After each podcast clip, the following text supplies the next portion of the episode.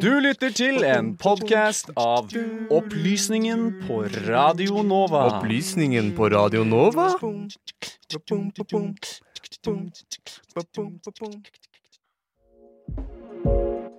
For Trump så har han både vunnet og tapt. What did I think when Maduro took power? Well, he's a clown. Det koster mye å gjøre store endringer. You know, I think if we can't do it in Norway, we can't do it anywhere. Nei, De har jo ikke noen fremtid. De sitter jo bom fast. Du lytter til Radio Novas samfunns- og aktualitetsmagasin Opplysningen.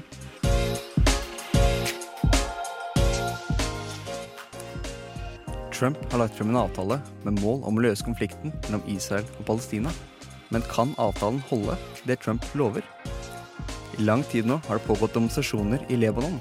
Hva er bakgrunnen for protestene, og hva er ståa februar 2020? Hva er samisk identitet, og hvordan kan vi bevare den?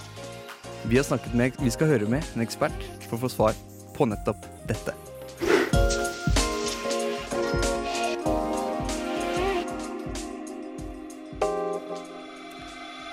Hjertelig, hjertelig velkommen til Opplysningen 99,3 denne sjette uka i 2020, hvor du annet skal få høre om Lebanon, samisk kultur og fem nyhetssaker fra den siste uka på under fem minutter. Med meg i studio denne litt frysende morgenen er Trym Fjellheim Karlsen. God morgen. God morgen til deg, ja. Og eh, vi skal i denne sendingen dekke det jeg kaller den lille fyren, enten det er libanesere misfornøyd med egen regjering, samer i Norge eller palestinere i Israel. Og det er her vi begynner. For konflikten mellom Israel og Palestina er en av de vanskeligste, om ikke den vanskeligste, det internasjonale samfunnet står overfor. Og har vært det nå helt siden skapelsen av den israelske staten på 40-tallet. Nå har Trump-administrasjonen, eller Trump-familien om du vil, kommet med sin løsning på konflikten. Trump-planen er bakteppet for dette intervjuet utført, utført med seniorforsker ved PRIO, Jørgen Jenshaugen. Du hører på Radio Novas samfunns- og aktualitetsmagasin Opplysningen.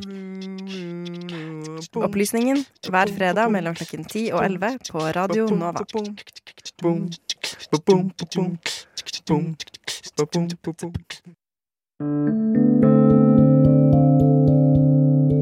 Trump og hans svigersønn Jared Kushner skal fikse verdens vanskeligste konflikt. Konflikten mellom Israel og Palestina er et grusomt minefelt.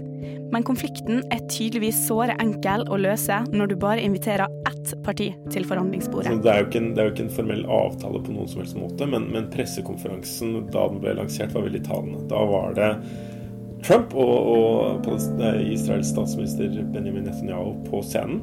Sånn at dette var på mange måter en slags sånn avtale, om du vil, mellom en eh, amerikansk og en israelsk statsleder. Og palestinerne var ikke rom i det hele tatt. Og det var nesten ingen eh, arabiske diplomater i det hele tatt. Du hører her Jørgen Jensehaugen, seniorforsker hos PRIO, Fredsinstituttet i Oslo, med forskningsfokus på Israel og Palestina.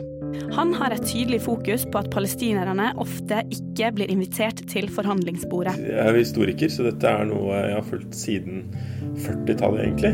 Um, fra FN tar tak i konflikten og helt, helt fram til i dag, så har det egentlig vært et, et gjennomgående tema. Palestinerne har vært egentlig en av kjerneaktørene, men i det internasjonale diplomatiet så har de vært tilsidesatt. Til stede ved forhandlingsbordet var kun USA, Israel, Oman, Bahrain og De forente arabiske emirater. Ikke palestinerne, som USA ikke har snakka med siden de flytta ambassaden sin til Jerusalem og anerkjente den omdiskuterte byen som Israels hovedstad. Å anerkjenne Jerusalem som Israels hovedstad gjør også planen som nå blir lagt fram av Trump og Netanyahu. Ja, Det planen sier, det er at Israel kan få beholde alle bosettingene sine. Ikke bare de store blokkene, men, de, men også de minste. Um, og der skal de få lov til å få israelsk suverenitet. Dvs. Si at Israel skal få lov til å annektere alle områder der hvor det bor eh, jøder på, på Vestbredden.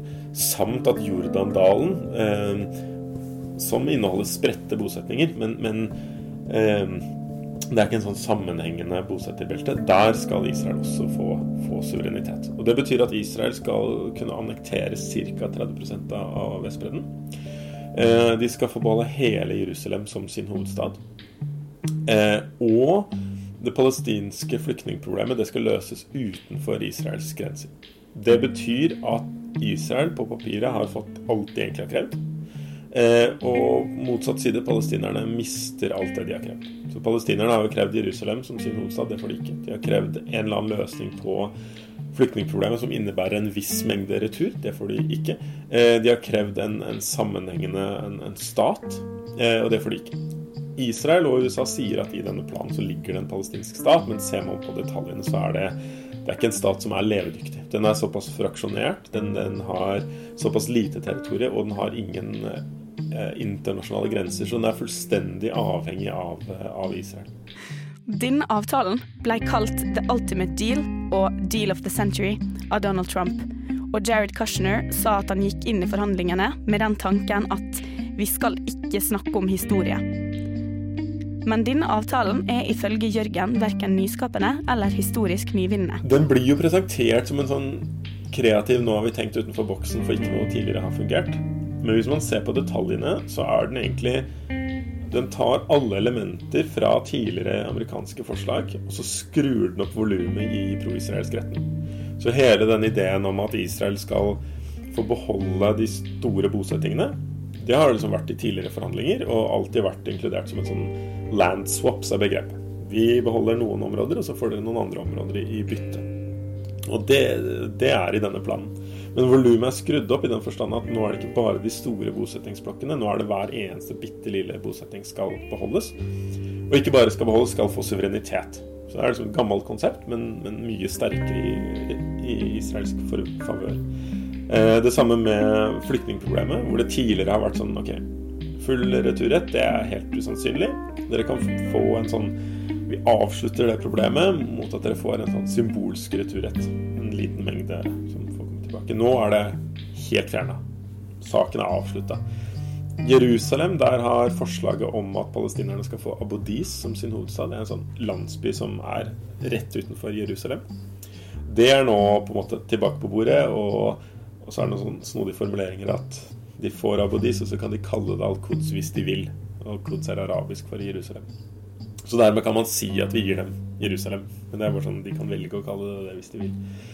Um, så det er på en måte Man tar gamle ideer, og så bare kjører man de sterkere Israels favør og svekker palestinernes. Og den nevnte historieløse inngangen later tilsynelatende til å ha vært temmelig ensidig. Men, men for å være litt mer alvorlig, så, så er det jo sånn at de historiske kravene det er de palestinske kravene. Vi vil, ha, vi, vil ha, tilbake kontroll over Jerusalem. Vi vil at flyktningene som flyktet i, i 48 og 67, skal få komme tilbake. Um, vi vil ha tilbake det landområdet vi mista i 1967. Mens for Israel så er det nåtiden. Der, der er de i favør. Vi har kontroll over 50% av Vestbredden. Vi har hele Jerusalem. Eh, palestinske flyktninger er ikke her nå. Det var da første del av intervjuet med Jørgen Jenshaugen. Dersom du vil høre resten, må du høre etter eh, dette en liten dose med god Radio Nova-musikk. Du skal nå få Neil Francis med 'Downtown' her på Opplysningen på Radio Nova. Du hører på Radio Novas samfunns- og aktualitetsmagasin Opplysningen. Opplysningen hver fredag mellom klokken 10 og 11 på Radio Nova.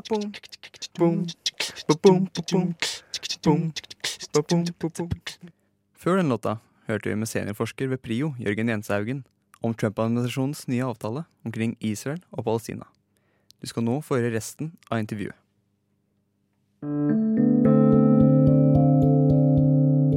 Tidligere, når de palestinske araberne har blitt utsatt for vanskeligheter, har Israel sine arabiske naboer reagert med sterk retorikk og til og med væpna konflikt.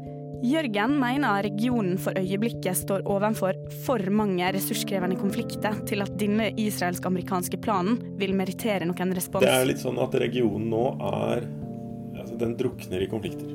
Eh, Syria og Jemen er de, de, tydeligste, men så har du på en måte den, den større eh, proxykrigen mellom Iran og, Saudi-Arabia om å på en måte bli regionens eh, stormakt.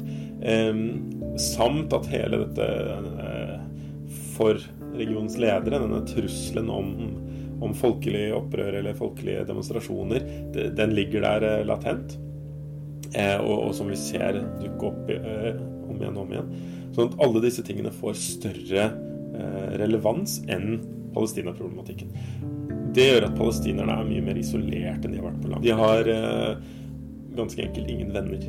Um, de arabiske statene støtter dem nominelt. Eh, ved å komme med erklæringer og, og, og, sånne ting, men i praksis veldig lite. Eh, der, der, er man mer opptatt av eh, hjemlige bekymringer eller andre regionale konflikter som har større, større sprengkraft. Men samtidig så vil man jo ikke lene seg for mye på, på Israel heller. Så man, de arabiske statene prøver å føre en sånn politikk hvor de kan støtte palestinerne i retorikk, men i praksis holde seg egentlig unna. Jørgen kan fortelle at Israel-Palestina til sammenligning med resten av de skarpe konfliktene og humanitære konfliktene i Midtøsten har blitt en veldig stille strukturell konflikt. Det som er noe av utfordringen, er at i sånn oppmerksomhet så er det selvfølgelig det er de store hete konfliktene som får oppmerksomhet. Det er Syria og det er Jemen hvor det er humanitære katastrofer og det er eh, massepumpinger og masse dødsfall hele tiden. Palestina har på en måte, det har vært et, et strukturell vold over veldig mange år. sånn at det blir strukturelt verre hele tiden eh, ved at denne ja, skal vi si, kvasistaten kveles mer og mer. Eh, hverdagslivet blir vanskeligere og vanskeligere. Men den store konflikten uteblir. Man har, man har klart å på en måte eh, skal vi si, kontrollere konflikten til en viss grad. Og det gjør at det er ikke noe prekær konflikt. Eh, tidvis med unntak i Gazastripen. Men det, måte, det blir strukturelt verre og verre. Med sånn sakte bakenforliggende konflikt hele tiden? Ja.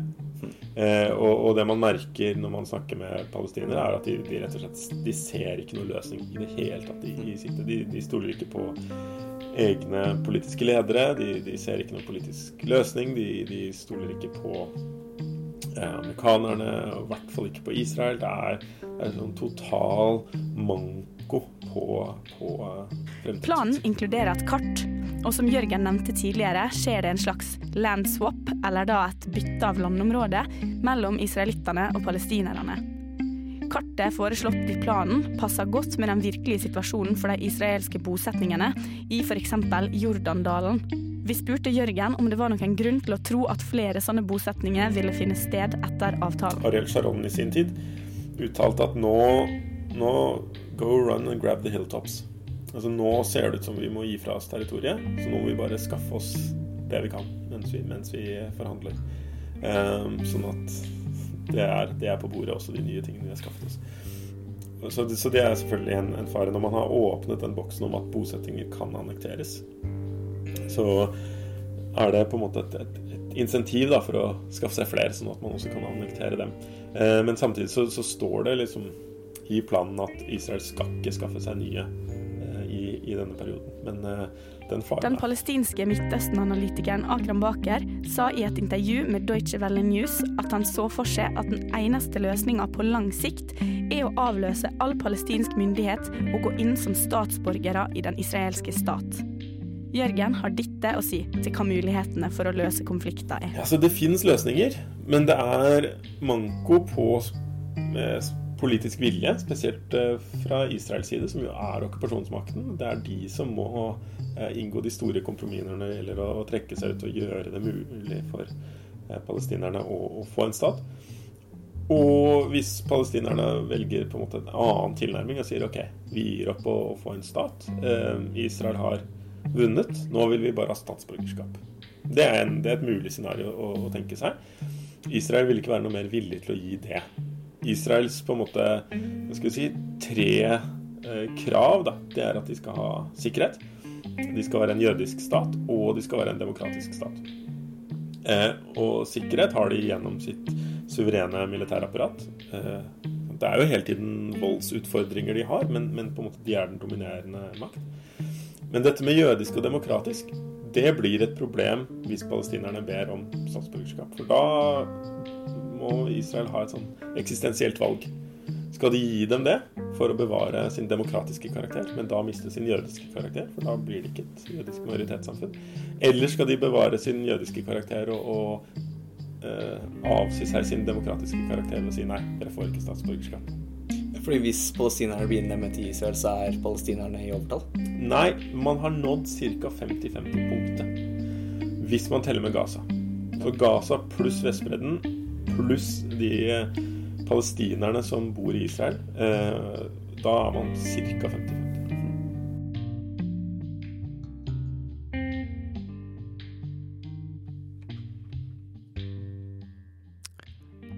Og reportere i denne saken var Sebastian Hagel og Tone Hafsås. Saken er redigert av Sander Zakaria og Trym Fjellheim Karlsen. Og nå får du The Bets med Now I Live. Ja, der fikk du The Bets med Now I Live. Og nå, Trym, har vi fått med oss Lisa Ravna Finnbåg inn i studio. Og vi skal snakke litt om samisk kultur, Trym. Ja, det stemmer, for i går, den 6. februar, var det altså samenes nasjonaldag. Og i denne anledning har vi fått med oss en ekspert på samisk identitet for å snakke litt om samisk kultur og hvordan man kan bevare den. Så først så lurte jeg bare litt på hva innebærer egentlig en samisk identitet? Og kan man egentlig si at, har, at man har en felles samisk identitet? Ja, altså akkurat der så blir det jo litt eh, Jeg liker å snakke om identiteter. Um, mm. Fordi det er klart at med tanke på identitet og kultur, så er jo ikke samisk homogent. Det er jo ikke slik at du har én felles identitet, en felles kultur, og felles erfaringer for alle samer. Um, så Og så er det jo da også slik at uh, akkurat som andre i Norge og verden for øvrig, så har man jo ulike erfaringer. Og man kan ha identitet som uh, har vokst opp i en by, man er urbanisert, Uh, du kan være reindriftssame. Du kan jobbe med doji eller kunst. Og alt dette er jo da med på å skape din individuelle identitet. Men så har du også da felles trekk, som på en måte er det som gjør oss samisk. Hva er det da som du mener gjør oss, eller gjør deg da til samisk? Det er jo selvfølgelig mm, Altså, jeg, jeg, skulle, akkurat nå skulle jeg likt å si det er språket, men uh, jeg kan ikke si det, fordi i dag så er det vel omtrent 10% av oss som snakker samisk, et av de samiske språkene. Um, så det vi har felles, er jo gjerne da erfaringen av å ha et kolonialistisk traume. Altså vi, vi, har vokst opp, kanskje ikke under den offisielle assimileringspolitikken eller fornorskningen her innenfor norske grenser. Og nå snakker jeg primært om samene på norsk side. Uh, men det vi har vokst opp med, det er jo på en måte som vitne uh, til våre foreldre og våre besteforeldre, og sett hvordan de har blitt påvirket. Og det bærer vi, med, det bærer vi med oss uh, daglig, og det er noe av det som i dag tenker jeg, da, er med på å gi oss en slags felles tilhørighet i det samiske. Vi har denne eh, motstandsdyktigheten eh, og viljen til å kjempe for rettighetene våre. Og viljen også da til å faktisk være samisk og være stolt av det. Eh, for det skal vi huske på at eh, den samiske identiteten, etnisiteten, var jo utrolig stigmatisert. Og til en viss grad er det fortsatt i dag. Eh, så vi har jo hele tiden denne Altså vi, vi kommer sammen rett og slett pga. disse erfaringene. Ja, Hva gjøres da hvis det har vært på en måte undertrykt den samiske kulturen? Hva gjør, gjør, man nå for å liksom bygge opp under stoltheten og tradisjon, tradisjonene, da? Eh, vi lever, og vi ja. trasser eh, storsamfunnet som kanskje ikke alltid skulle ønske at vi var her. Eh, vi, jo, vi ser jo at overalt i Sápmi i dag så er det jo rettighetsspørsmål hvor samiske rettigheter blir eh, rett og slett tilsidesatt. Eh, og så snakker man om at det er til samfunnets Altså det er, det er til samfunnets beste. For eksempel har man nå vi har jo en del vindparker, gruvedrift etc. Og så snakker man da om den grønne, altså den grønne vendingen. Vi må, vi må skaffe energi på en måte som, som ikke skader miljøet på samme måte som det f.eks. oljeutvinning. Eh, det vi da gjerne Altså I Sápmi i dag så snakker man gjerne om grønn kolonialisme. Jeg foretrekker vel egentlig bare å kalle det det det er. La oss kalle en spade en spade og si kolonialisme, for det er fortsatt da eh, man har denne formeningen om at samiske eh, bekymringer og vilkår eh, ikke er De er kanskje ikke så viktige når man setter det opp mot storsamfunnet eh, storsamfunnets behov. Um, slik at um, som svar på ditt spørsmål, vi lever og vi trasser. Vi lever til tross for hva andre kanskje måtte ønske. Eh, Så det er jo det som bringer oss sammen. Og så har vi da selvfølgelig også initiativ som går på revitalisering av språk. Mhm. eh, Skape språkarenaer. Og ikke bare da for barn og unge, men også for eldre eh, som aldri fikk muligheten til å lære språket sitt. Um, og vi har Jeg har jo vært veldig involvert i bl.a. Doji-produksjon. Uh, Doji er jo da Altså, det er oversatt på norsk til håndverk. Um, det er kanskje ikke en helt perfekt oversettelse, men, men det er altså å skape med hendene. Um, og den prosessen der ser vi at veldig mange kommer tilbake og uh, begynner å jobbe med f.eks. vev eller det å sy i skinn, og så kommer de plutselig på minner om besteforeldre som de har sett gjøre med dette. Og da skaper man en slags tilknytning til, uh, til det som har vært, da.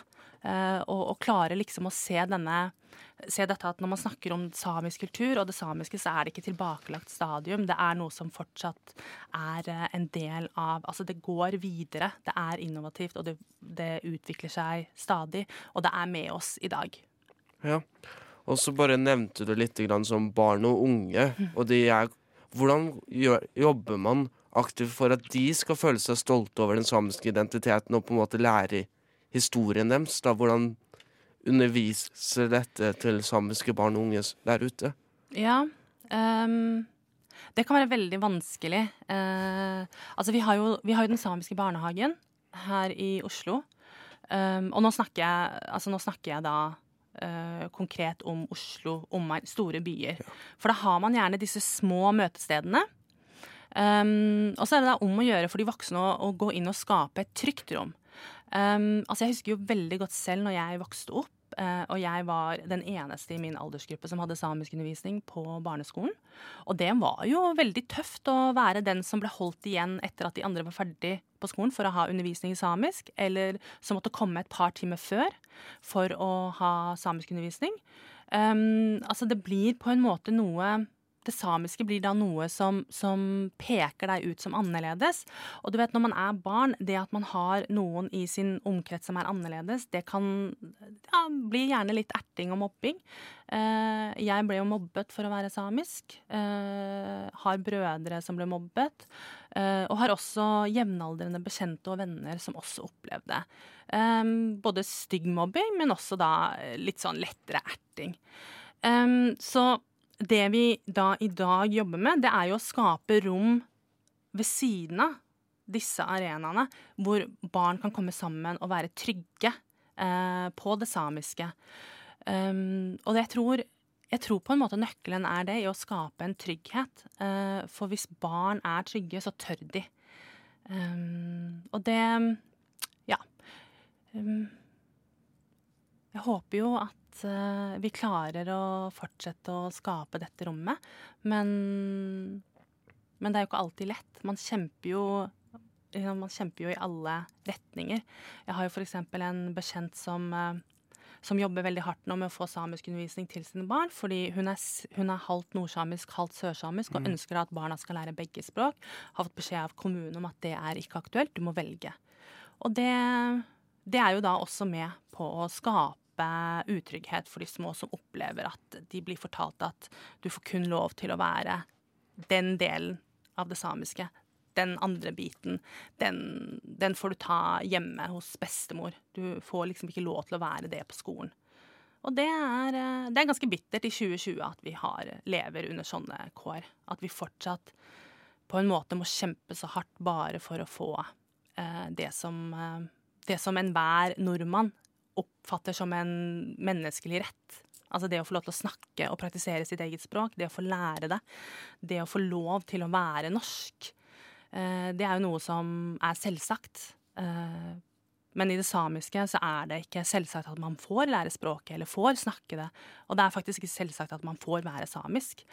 Slik at når man snakker om samisk identitet, da, så er det jo alle disse elementene eh, som er med på å skape både følelsen av å være samisk, men også stoltheten over at vi faktisk fortsatt er her, og at vi til tross for en kolonialiseringsprosess som har pågått siden eh, vikingtid, altså middelalderen, eh, så er vi her, og vi, vi, kjemper videre for rettighetene våre. Så jeg tror, jeg tror det er det som er felles i vår samiske identitet. Og så har man jo alle disse andre tingene som er om man snakker språk eller ei, om man, har, um, om man praktiserer en tradisjonell samisk næring, eller om man har lært doji hjemmefra, etc. Så du snakker veldig mye om hvordan storsamfunnet tidligere på en måte da har vært veldig negative, og det virker som det fortsatt er negativitet knyttet til samer. Hvordan kan storsamfunnet hjelpe til med både å bevare og gjøre det trygt for at samer kan få lov til å leve åpne liv som åpne samer, da? Hvis man kan si det sånn? Ja, um, godt spørsmål. Og da kan vi jo faktisk gå tilbake til det du sa om, om samefolkets dag, 6. februar. For i går så kledde jo jeg på meg mungakti, og jeg gjorde det jeg vanligvis gjør. Uh, men jeg gjorde det i, i uh, gakti. Kofte på norsk. Og opplevde at veldig mange kom bort og sa gratulerer med dagen, som var kjempehyggelig. Eh, men det var litt sånn På denne ene dagen er, altså det, det, er så hyggelig, det samiske, da. Det er så hyggelig å se alle disse fargekledde. Og det er så koselig å kunne gå og si gratulerer med dagen, og vi vet at dere har Det er deres dag i dag.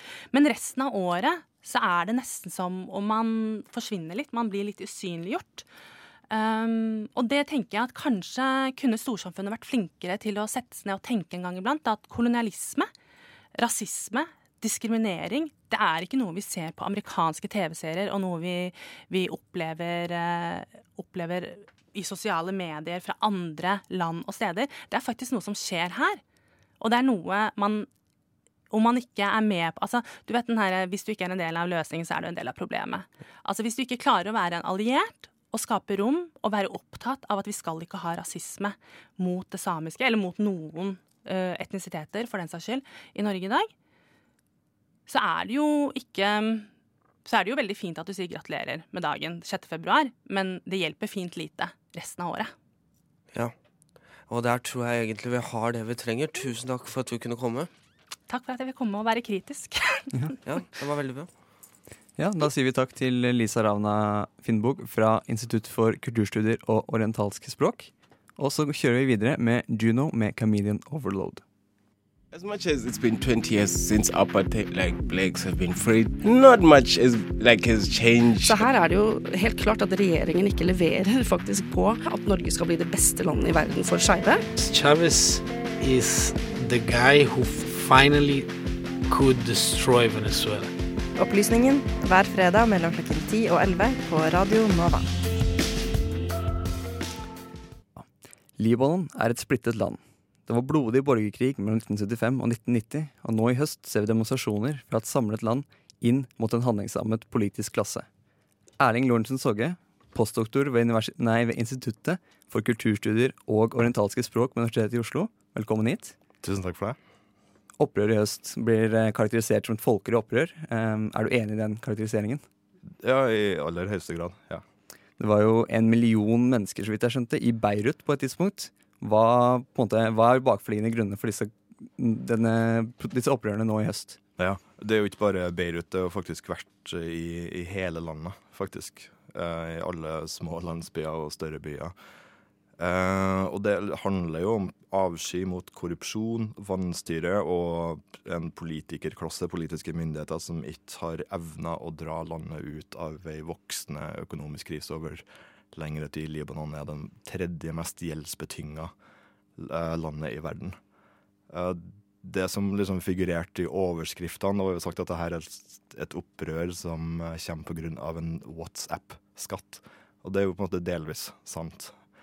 Uh, like før opprøret brøt ut, 17.10 i fjor, så var det altså, Informasjonsministeren i landet hadde foreslått at ei gratis tjeneste som WhatsApp eller også FaceTime som man har på mobilen sin, at det skulle skattelegges. At det skulle, folk skulle, det skulle koste uh, for folk å bruke de tjenestene her. Men det er jo liksom bare dråpen i, i begeret som får det til å rinne over. Uh, I oppløpet til opprøret så hadde, hadde, hadde landet vært herja av skogbranner i flere dager, der staten hadde vært ute av stand til å reagere. Slukningshelikopter pga. manglende vedlikehold sto på bakken, mens ulønna Og frivillig brannmannskap slåss mot flammene alene. Flere av dem døde også, i, hvert fall en av dem. Eh, samtidig så hadde vi en situasjon der eh, Libanon ikke har fått inn eh, pengeoverføringer fra Gulfen. Det har vært mange fremmedarbeidere i Gulfen før som har, som har også ført en mangel på dollarsedler i landet. Og det er en pengeenhet som er veldig viktig i Libanon. Du bruker dollar til å betale skolepenger, husleie, alle typer større kjøp, og ikke minst i importnæringa. Eh, som har gjort at det libanesiske pundet, som er kobla opp mot dollaren, har stupt i verdi først, første gang siden 90-tallet. Og over sommeren i fjor, oppå alt det her, da, så var regjeringa ikke i stand til å møtes engang, fordi to ministre i regjeringa hadde eh, vært involvert i skuddveksling med hverandre. Så det var full politisk vranglås. Og da den WhatsApp-skatten kom i, sånn oppå alt det her, da, så var det, det var, ble for mye. Så da, da brøt opprøret løs. Ja, Men det har jo skjedd mye siden opprøret starta. Kan du forklare litt om hva som de har oppnådd? Først så kan jeg kanskje si hva kravene har vært. da. Eh, for det her har jo vært karakterisert som et lederløst oppløst. Ikke liksom en bevegelse som har stått i, i, front her. Det er litt viktig å si. Eh, det er sånn en holdning i Libanon om at uh, makt korrumperer, så man har vært veldig forsiktig her med å utnevne en leder av opprøret, som en kanskje da gjorde for det tidligere opprøret i 2015. Da hadde vi søppelkrise nye korrupsjonsskandaler. Og da var det kanskje opplevelse at opprøret ble liksom penetrert av, av, ulike politiske bevegelser. Så nå har han vært veldig uh, for å si det sånn, litt sånn allergisk mot å ta en lederstilling. Men det er to tydelige krav i det her. og det er et kortsiktig krav som er litt mer sånn håndterbart. Det er jo en ny regjering. Og ei regjering med det en kan kalle teknokrater, dvs. Si fagfolk som ikke har noen politikerambisjoner eller yrkesambisjoner i politikken. Bare folk som kan faget sitt. Det er det kortsiktige målet, og det, det er jo liksom Regjeringa gikk jo av. Vi har fått en ny regjering. Det mer langsiktige og litt sånn hårete målet, det er at alle politikerne skal gå av. Og det har vært liksom slagordet i det opprøret her. Det har vært det en sier på, på libanesisk og arabisk Killon yani killon. Alle betyr alle alle som en skal gå av. Men Er dette en sånn an anarkistisk bevegelse, nesten? da? Hva, hvor karakteriserer du dette? Uh, I hvert fall lederløst. da. Og så kan du si at uh, politikerforakten er ganske stor blant det uh, libanesiske folket. Uh, og ikke bare at politikerne skal gå av, men vil også skrote statssystemet. Altså et statssystem der en fordeler politisk makt bakgrunn på den antatte størrelsen av 18 etnoreligiøse grupper som gjør at det politiske livet blir veldig treigt. En stemmer ikke på sak, en stemmer på person og identitet osv. Ja, for det er veldig sånn sektdemokrati, nesten? Ja, det er den kalde sekta, sånne etniske religiøse grupper. Mm. Uh, som skal ha sine proporsjoner i politikken, ikke bare der, men også i, det etablerer seg i alle lag av, av, livet. Til og med sånn strøm og parkeringsplasser blir fordelt på det samme prinsippet. Som skaper en veldig treghet og mye frustrasjon og som er grunnlaget til mye korrupsjon. Mm. Altså skjønt at valgordningen er sånn at du ikke stemmer der du bor, du stemmer der du er fra? Ja, det, det er også. Uh, så folk som på en måte har flytta fra områder bor på en annen plass, det er fremdeles dem som liksom bestemmer hvilket parti som regjerer i, i hjembyen. Ja, og at du ikke får da politisk endring i f.eks. storbyer som Beirut fordi folket som flytter dit, eller som bor der i stor grad, ikke er derfra i stor grad? Det er liksom ikke et system som egentlig legger opp til endring. Det er et system som er basert på å samle konsensus i krisetid, kan du si. For å dempe konflikt. Og det er også et system som har løfta Libanon ut av borgerkrig, for så vidt. Men har, du har hatt en situasjon der en slags sånn etniske, religiøse identiteter har smelta sammen med politiske interesser, der begge deler forsterker hverandre i et, i et gjensidig forhold. Mm. Og der du har en politikerklasse økonomiske topper som foretrekker at det skal være sånn fordi når du har en svak og desentralisert stat, så det, har du også en del politikere og samfunnstopper, religiøse ledere, som etablerer seg som et bindeledd mellom staten og borgerne. Så det er ikke sånn i Norge der vi mer eller mindre har tilgjengelig Altså Vi har direkte tilgang på staten. Vi kan gå til Nav. Jeg vil ha en ordning her. Jeg kan gå til sykehus, skole. Du må ha et mellomledd. Du må gå til en en uh, sånn sekterisk leder, religiøs leder eller en politiker og gå ned på kne og spørre kan jeg få lov til å få noen midler for å gå på sykehus, eller kan du fikse meg en jobb i det offentlige? og sånne ting. Nå har disse protestene varte i x antall måneder, helt fra oktober i fjor. Mm. Um, hva er akkurat nå saken de satser på at, å få gjennom? Hvorfor fortsetter de å protestere? Ja, nå skal det sies at etter at du fikk en ny regjering nå i, i, i januar, så har demonstrasjonene dabba av litt. Det er ikke liksom det samme trykket som før. Det kanskje bortsett fra i Tripoli i Nord-Libanon, der holder det gående. Eh, men du, fikk, du har fått sånn utnevnt en ny regjering, da, og vi kan jo kanskje si noe om den. Eh, fordi her har du jo litt endringer. Altså Du har ei regjering som da uh, har annonsert seg sjøl som revolusjonsregjering. Altså Den nye statsministeren Hassan Diab har sagt at det var revolusjonen som brakte oss hit. Så det er liksom imaget de har prøvd å gi seg sjøl. Og for å ta det positive først, da, så kan du jo si at det er en ny rekord med kvinnelige ministre i Libanon. Nå har du seks kvinnelige ministre. Den forrige rekorden var fire. Så seks av 20 eh, er kvinner. Det er jo på en måte ingenting å skrive hjem om. Det er et steg i riktig retning. Også for første gang i den arabiske verden så har vi en kvinnelig forsvarsminister. Så det er også, sånne ting skal applauderes. Og så er det ganske positivt at det ingen i det nye regjeringskabinettet er egentlig veldig kjent. Det er ingen yrkespolitikere. Uh, og det er ingen som har ambisjoner, i hvert fall uttalt, om å inn i parlamentspolitikken etterpå. Og det er et ganske godt tegn, fordi det betyr at insentivet til å bruke korrupsjon eller å bruke statsmidler for å vinkle seg inn mot ei høyere stilling etterpå, er kanskje lavere enn en vanligvis. Men, van, men, utenom det så er det, det er vanskelig å kalle dem teknokrater eller fagfolk, fordi eh, de har ingen eller liten erfaring med de ministerpostene de skal styre.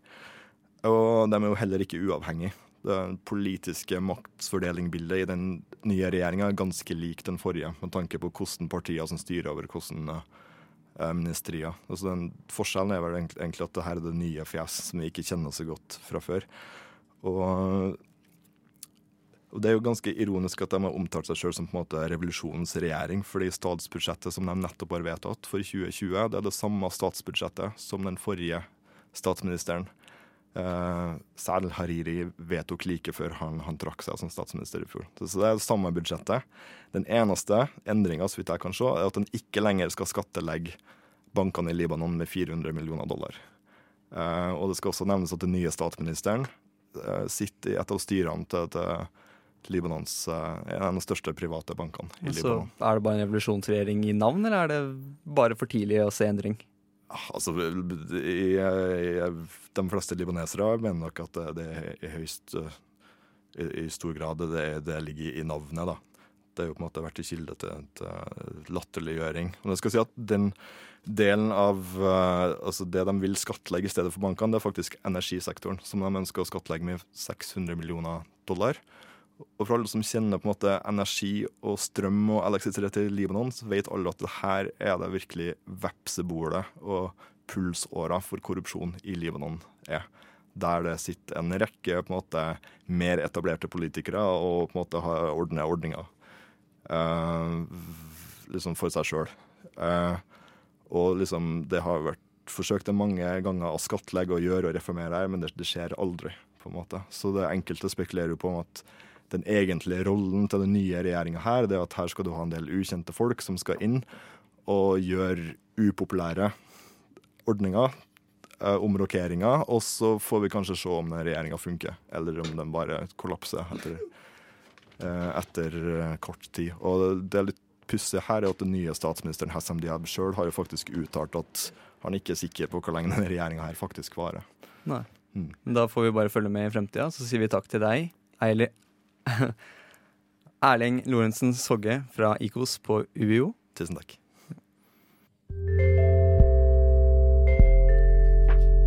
Teknologi og digitalisering gjør at det vi ikke fikk til for noen år siden, det er mulig nå. At det å stadig vekk skulle balansere mellom frihet og ufrihet Det er ikke noe særlig lurt å stole på viljestyrken, f.eks. Kirkas demokratisystem. Opplysningen hver fredag fra klokken 10 til 11.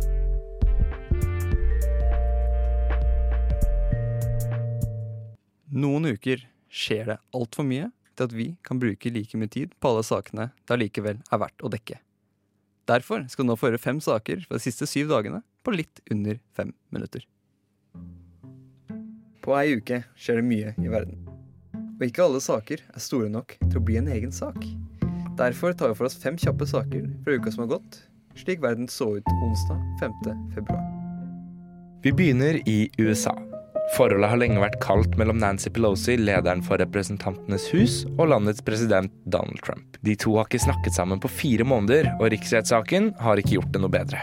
Da Trump natt til onsdag norsk tid holdt sin State of the Union-tale, tilspisset situasjonen seg ytterligere. President Trump nektet å hilse på Pelosi da han gikk opp på podiet for å holde talen sin, og da presidenten var ferdig, rev Pelosi opp Trumps tale, så hele verden kunne se det.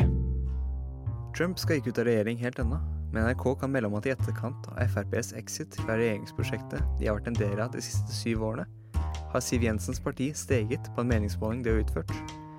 Flukten til Frp kommer på bekostning av den sittende regjeringen, og da nevneverdig Høyre, som på meningsmålingen mister 4,1 prosentpoeng.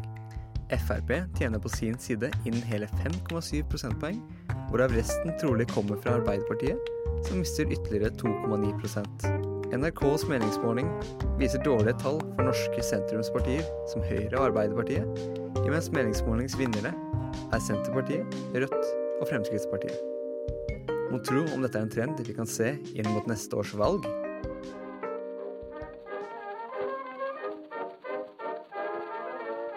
Fra en exit til en annen. Forrige fredag forlot britene formelt Den europeiske unionen, og endte dermed en fireårig prosess med å melde landet ut. Dette skjedde kort tid etter at avtalen mellom partene ble vedtatt i Europaparlamentet forrige onsdag. Under avstemningen ga flere av de britiske representantene uttrykk for en sorg over å forlate parlamentet. Molly Scott Cato brøt sammen i gråt under avstemningen.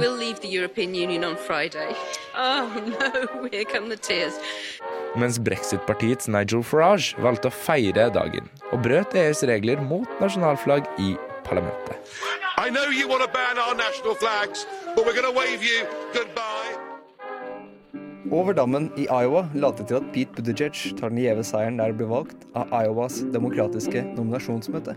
Rapportene fra ledelsen i Iowas demokrater når 71% av stemmene er talt opp, viste at borgermesteren fra South Bend, Indiana, lå an til å slå Vermont-senator Bernie Sanders med litt over et prosentpoeng. Det er en av disse som vinner den prestisjetunge Iowa-nominasjonen, som er første hinder for å bli demokratisk kandidat, og det lover ofte godt for kandidaten som vinner Iowa i resten av kampen om nominasjonen. Vi holder oss i USA, for på mandag avholdes den 92. Oscar-utdelingen i landet. Og listen over de nominerte har nok en gang vært utsatt for kritikk. I likhet med fjoråret var det ingen kvinner nominerte prisen for årets beste regissør, til tross for at det i 2019 var flere kvinnelige regissører enn på mange år. Dette har ført til en stor debatt i ulike nettfora. Gjennom historien har bare fem kvinner blitt nominert til prisen. Bare én har stukket av med seieren. Mange peker nå mot en diskriminering mot kvinner i filmindustrien. Til tross for dette ansetter Netflix stadig flere kvinnelige regissører. Og tall fra 2019 viser at nærmere 20% av regissørene bak originalfilmer produsert av Netflix, er kvinner. Det er altså mulig for kvinner å lage film, men om Hollywood følger etter, det er et annet spørsmål.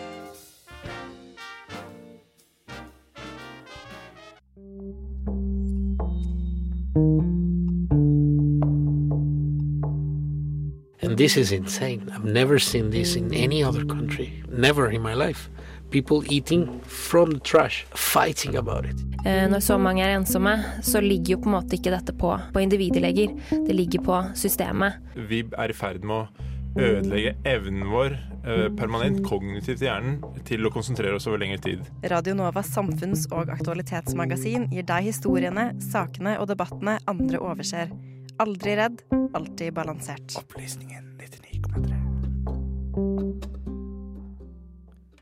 Vi har nådd eh, veis ende. Jeg kan si at medvirkende til dagens sending har vært Tone Hafsås, Mathilde Israelsen, Sander Zakaria, og i studio har vi hatt Trym Wilhelm Karlsen. Mitt navn har vært Sebastian Hagel. Du kan følge oss på sosiale medier hvor som helst, stort sett, og du kan også høre oss på podkast der du får dine podkaster. Etter oss kommer Studentnyhetene. Og Ingar Jakob Weiring, hva skal dere drive med i dag, da? Vi skal bl.a. høre hvordan det er å være bussjåfør i Oslo. Og vi skal dra til eh, ned i kjelleren til noen skjeletter som ligger gjemt på Rikshospitalet. Skjeletter på Rikshospitalet, altså. Og det er da rett etter oss, så bli på kanalen. Nå får du Jackie Lynn med Casino Queen her på Radio Nova. Du har nå hørt en podkast fra Opplysningen 99,3. Finn denne og tidligere episoder på Spotify, iTunes eller der du måtte finne dine podcaster ellers. boom, boom, boom, boom. Boom.